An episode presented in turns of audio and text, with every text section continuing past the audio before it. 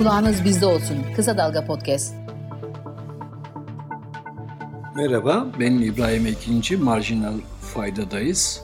Yine ekonomide son durumu birkaç başlık üzerinden hiç olmazsa gözden geçirelim. Şimdi geçen bir önceki yayında da söylemiştim bir bir konjöktür değişimi var. Yani bir durum değişimi var. Döviz tevdiat hesaplarında azalma var. Son 8 e, haftadır Alaaddin Aktaş bir hesaplama yapmış. 27.7 milyar dolarlık bir azalma var. Döviz tevdiat hesapları azalıyor. Bir başka şey daha oluyor. Tempolu şekilde artan bu kur korumalı mevduat vardı ya. Onda da azalma var. O durmuş idi. Şimdi o azalmaya döndü.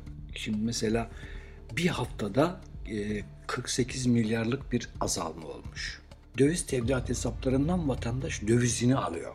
E, kur konumalı mevduattan da parasını çekiyor. Yani vadesi dolan, 3 ayı dolan hesabını yenilemiyor. Çekip başka yere gidiyor.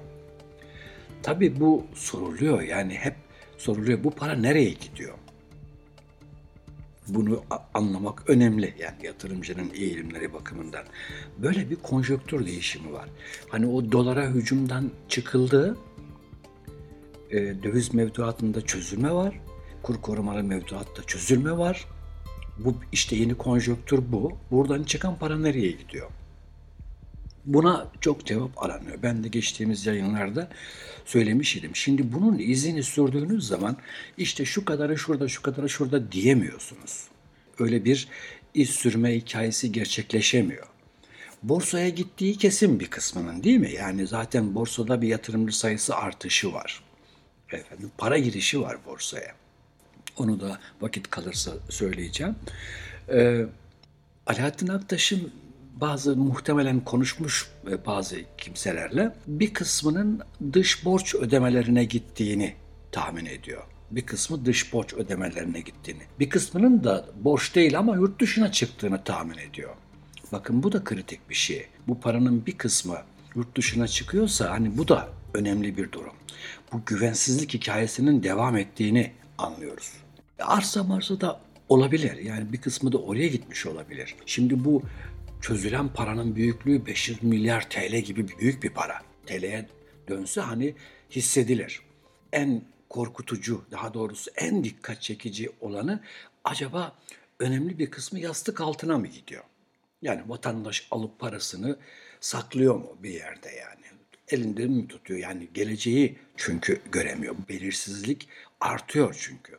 Hükümetin ne yapacağı kestirilemiyor. Şimdi mesela hükümet artık iktisadi önlemlerle, tutarlı iktisadi önlemlerle ön, şey geliştiremiyor. Yani bir sistem kuramıyor. Bir şey yapıyor, bir tarafı yıkıyor. Şimdi mesela bu kur korumalı mevduattaki çözülmenin nedeni ne? Kendisi. Kendisi. Çünkü döviz artışı yok. Neden? Alıyor dövizi sağdan soldan buluyor ihracatçıdan, dışarıdan, Katar'dan filan satarak dövizi tutuyor. O zaman KKM'deki yatırımcı sadece bankadan aldığı efendim Merkez Bankası politika faizinin 3 puanını aşamayan yani 12'yi aşamayan faize mahkum kalıyor. Dolayısıyla zarar ediyor. Şimdi bakın kurduğunuz düzen KKM yatırımcısını zarar ettirdiği için oradan çözülme var. Bu sefer dönüyorlar efendim bankaların tepesine biniyorlar. Ya bu KKM'yi efendim buradan çıkış var. Siz bir şeyler yapsanız da bu KKM'ye giriş efendim cazip olsa. E ne yapılabilir? Ben demişsin ki faizi 12 olacak. Yani 3 puan üzerinde olacak politika faiz. Tavan koymuşsun kendin. Tamam mı? Tavan koymuşsun. Ne olacak?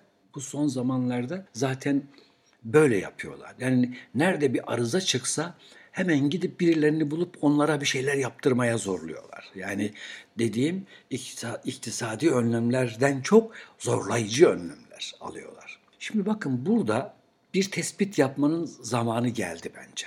Şimdi Türkiye'de artık serbest piyasa ekonomisinden söz etmek zordur. Söz edilemez. Çünkü her tarafa müdahale ediyorlar.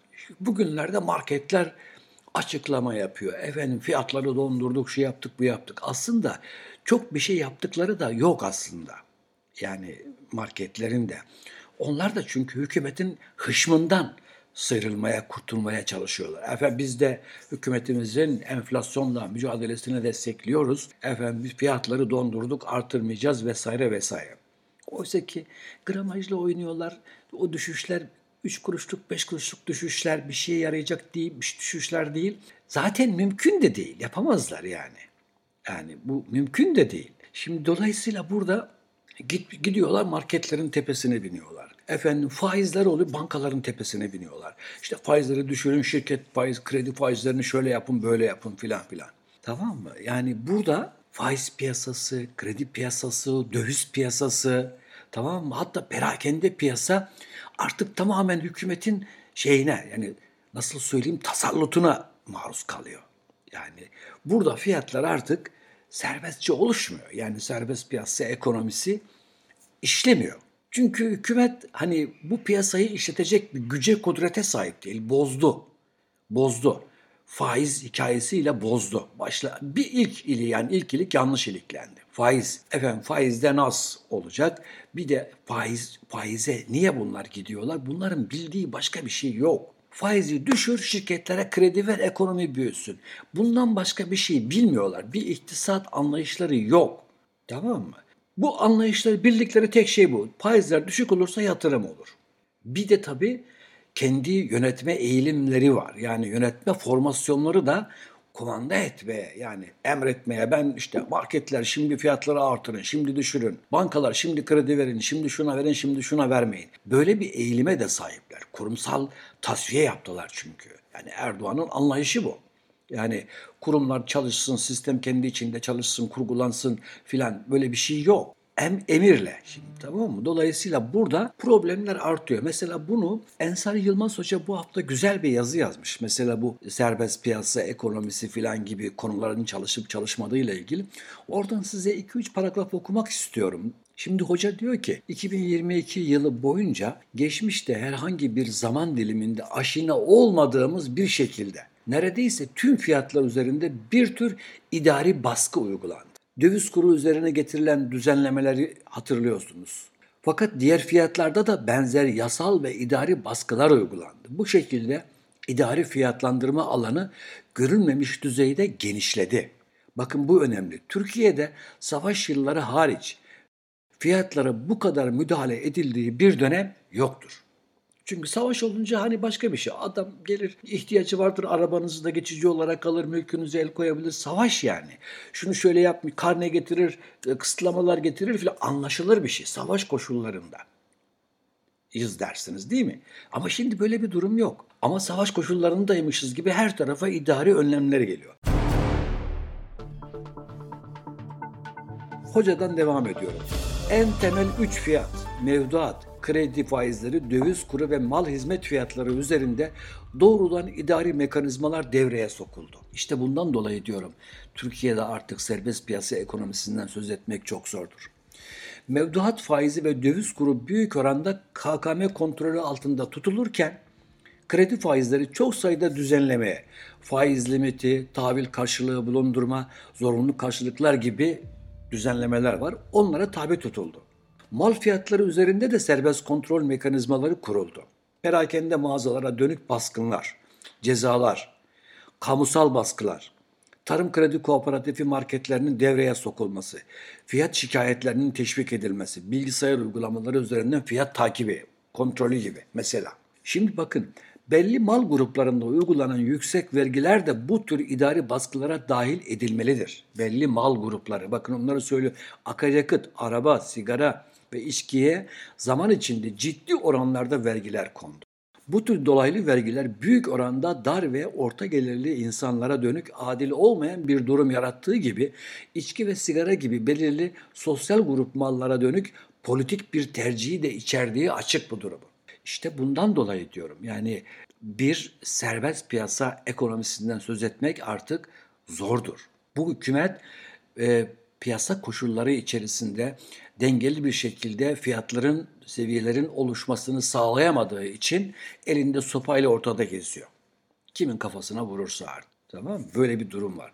Şimdi bakın mesela kendilerini nereye sokuşturup soktular. Kendileri de kapana kısıldı. Şimdi Bakan Nebati diyor ki ben kuru yukarı salamam.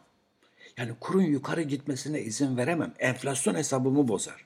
Doğru. Kur giderse enflasyon da yukarı gider. Türkiye'nin yapısı bu. Fakat kur gitmeyince de kakame dağılıyor. Değil mi bakın kakame, kakame yatırımcısı döviz kurundan da getiri bekliyordu. Oraya onun için gitmişti. Şimdi kurdukları kapanı görüyor musunuz? Bir yerde enflasyonu tutmak için döviz kurunu tutuyor ama döviz kurunu tuttuğu için de kakame çözülüyor. Bir başka arızayı söyleyeyim size. Şimdi son aylarda ihracatta artışlar artık yok denecek seviyeye geldi. Bakın burada e, Barış Soysal rakamları vermişti. Oradan sizle de okuyayım. Şimdi bakın e, diyor ki ihracat artışı resmen durdu. E zaten hani tablolara, rakamlara bakınca herkes bunu görüyor. Bir zamanlar ayda yüzde 40-50 artabilen o artı aylık ihracat artışları yüzde 2-3'lü seviyelere indi. İhracat artmıyor artık. İhracatçının dövizlerinin yüzde 40'ını mecburen alıyor. Merkez Bankası böyle bir şey karar aldı. Döviz, dövizini alıyor. İhracatçı dışarıya mal satıyor, döviz getiriyor. Onun yüzde kırkını kafadan Merkez Bankası'na vermek zorunda. Tamam mı? Oysa ki dışarıyla iş yapan adamın, şirketin dövize ihtiyacı vardır. O döviz keyfi bir döviz değil ki. İkinci bir ihracat yapabilmek için onunla girdi alacaksın. İthalat yapacaksın. Dövize ihtiyacın var. Değil mi? Bu bazı şirketleri zora sokar mesela. Soktu da belli ki ondan dolayı düşüşler var. Bakın mesela 2001 Ağustos ayında ihracat artışı %51.9 olmuş. 2002 Ağustos'una geliyorsunuz %13.1 olmuş. Dörtte biri neredeyse. Eylül ayında 9.2 2002'nin bakın. Ekim ayında 3, Kasım'da 2. Yani artışlar artık bu seviyelere geldi. Dolayısıyla dedim ya kendi kurdukları kapana kendileri sıkışıyorlar durmadan. Çünkü hiçbir adımın bir sonraki etkisini hesap edemiyorlar. İhracatçının dövizini alırsan, döviz kurunu tutarsan değil mi? İhracatçının rekabet gücünü kendin baltalarsın. İhracat böyle düşer işte. Şimdi mesela Türkiye dış ticarette bu seneyi 110 milyar dolar açıkla kapattı. Neden? Çünkü ihracatı ithalatının çok çok altında kaldı. O 2023 hedefleri FOSK çıktı. Dolayısıyla şimdi burada mesela ihracatçının dövizini alıp kuru tutuyorsun ama bu sefer ihracatın düşüyor. İhracatın düştüğü için döviz girişin düşüyor. Döviz girişin düştüğü için cari açığın patlıyor. Mesela bu sene 50 milyar dolar civarında bir cari açıkla kapatacağız. Çok yüksek bir açık. Dolayısıyla burada şunu görüyoruz. Hükümet şaşkın durumda. Nerede bir arıza çıksa kendi sorumluluğunu almak yerine dönüp iktisadi politikalarını gözden geçirmek, tutarlı hale getirmek, elde etmek istediği sonuçlara göre yeniden yeniden düzgün şekilde kurgulamak, yeni arızalar ortaya çıkmasın diye düzenlemek yerine eline sopa alıp marketlere gidiyor. Sopa alıp bankalara gidiyor. Değil mi? Yani bu olacak şey değil. Bu dolayısıyla hani bu bu fiyat kontrolü falan da değil. Bu tamamen acizliğin sonucu düzenleme yapamamanın sonucu. Şimdi bakın bu bu bu bu, bu manzara içerisinde size birkaç şey de borsa için söyleyeyim.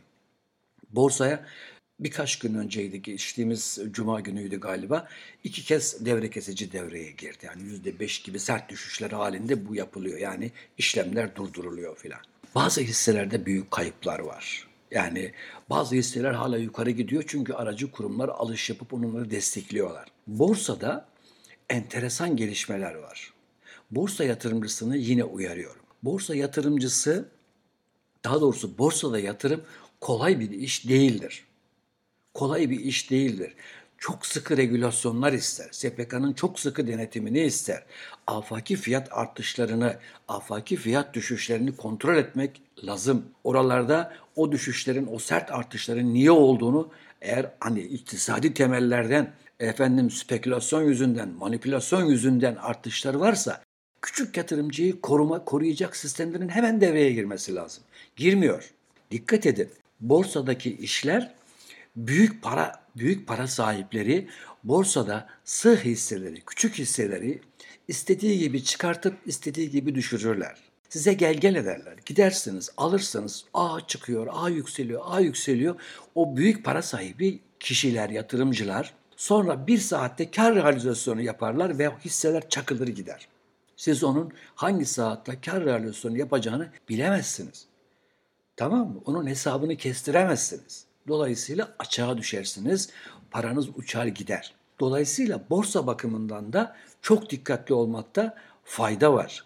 Çünkü dediğim gibi borsa herhangi bir şeye benzemiyor. Paranızı bankaya götürürsünüz, mevduat yaparsınız, belli olur. Der, denir ki size şu kadar faiz vereceğiz. Öyle ihtim o faizdir. Başka bir şey yok. Önünüzü görürsünüz. Düşük olur, fazla olur ayrı. Ama görürsünüz. Borsa öyle değil. Sinirleriniz sağlam değilse bu kadar büyük oynaklık zamanlarında borsa çok yıpratıcıdır. Sinirsel anlamda söylemiyorum. Mülk anlamında, servet anlamında da söylüyorum. Yıpranırsınız. Dolayısıyla borsaya bakın, borsaya gidin ama bilmiyorsanız borsada hareket nasıl hareket edileceğini, bir aracı kurumunuz yoksa, bir finansal danışmanınız yoksa e, riskli olduğunu söylemek istiyorum. Evet, bu haftada bu kadar. Önümüzdeki hafta tekrar e, görüşmek üzere. Kendinize iyi bakın. Hoşçakalın.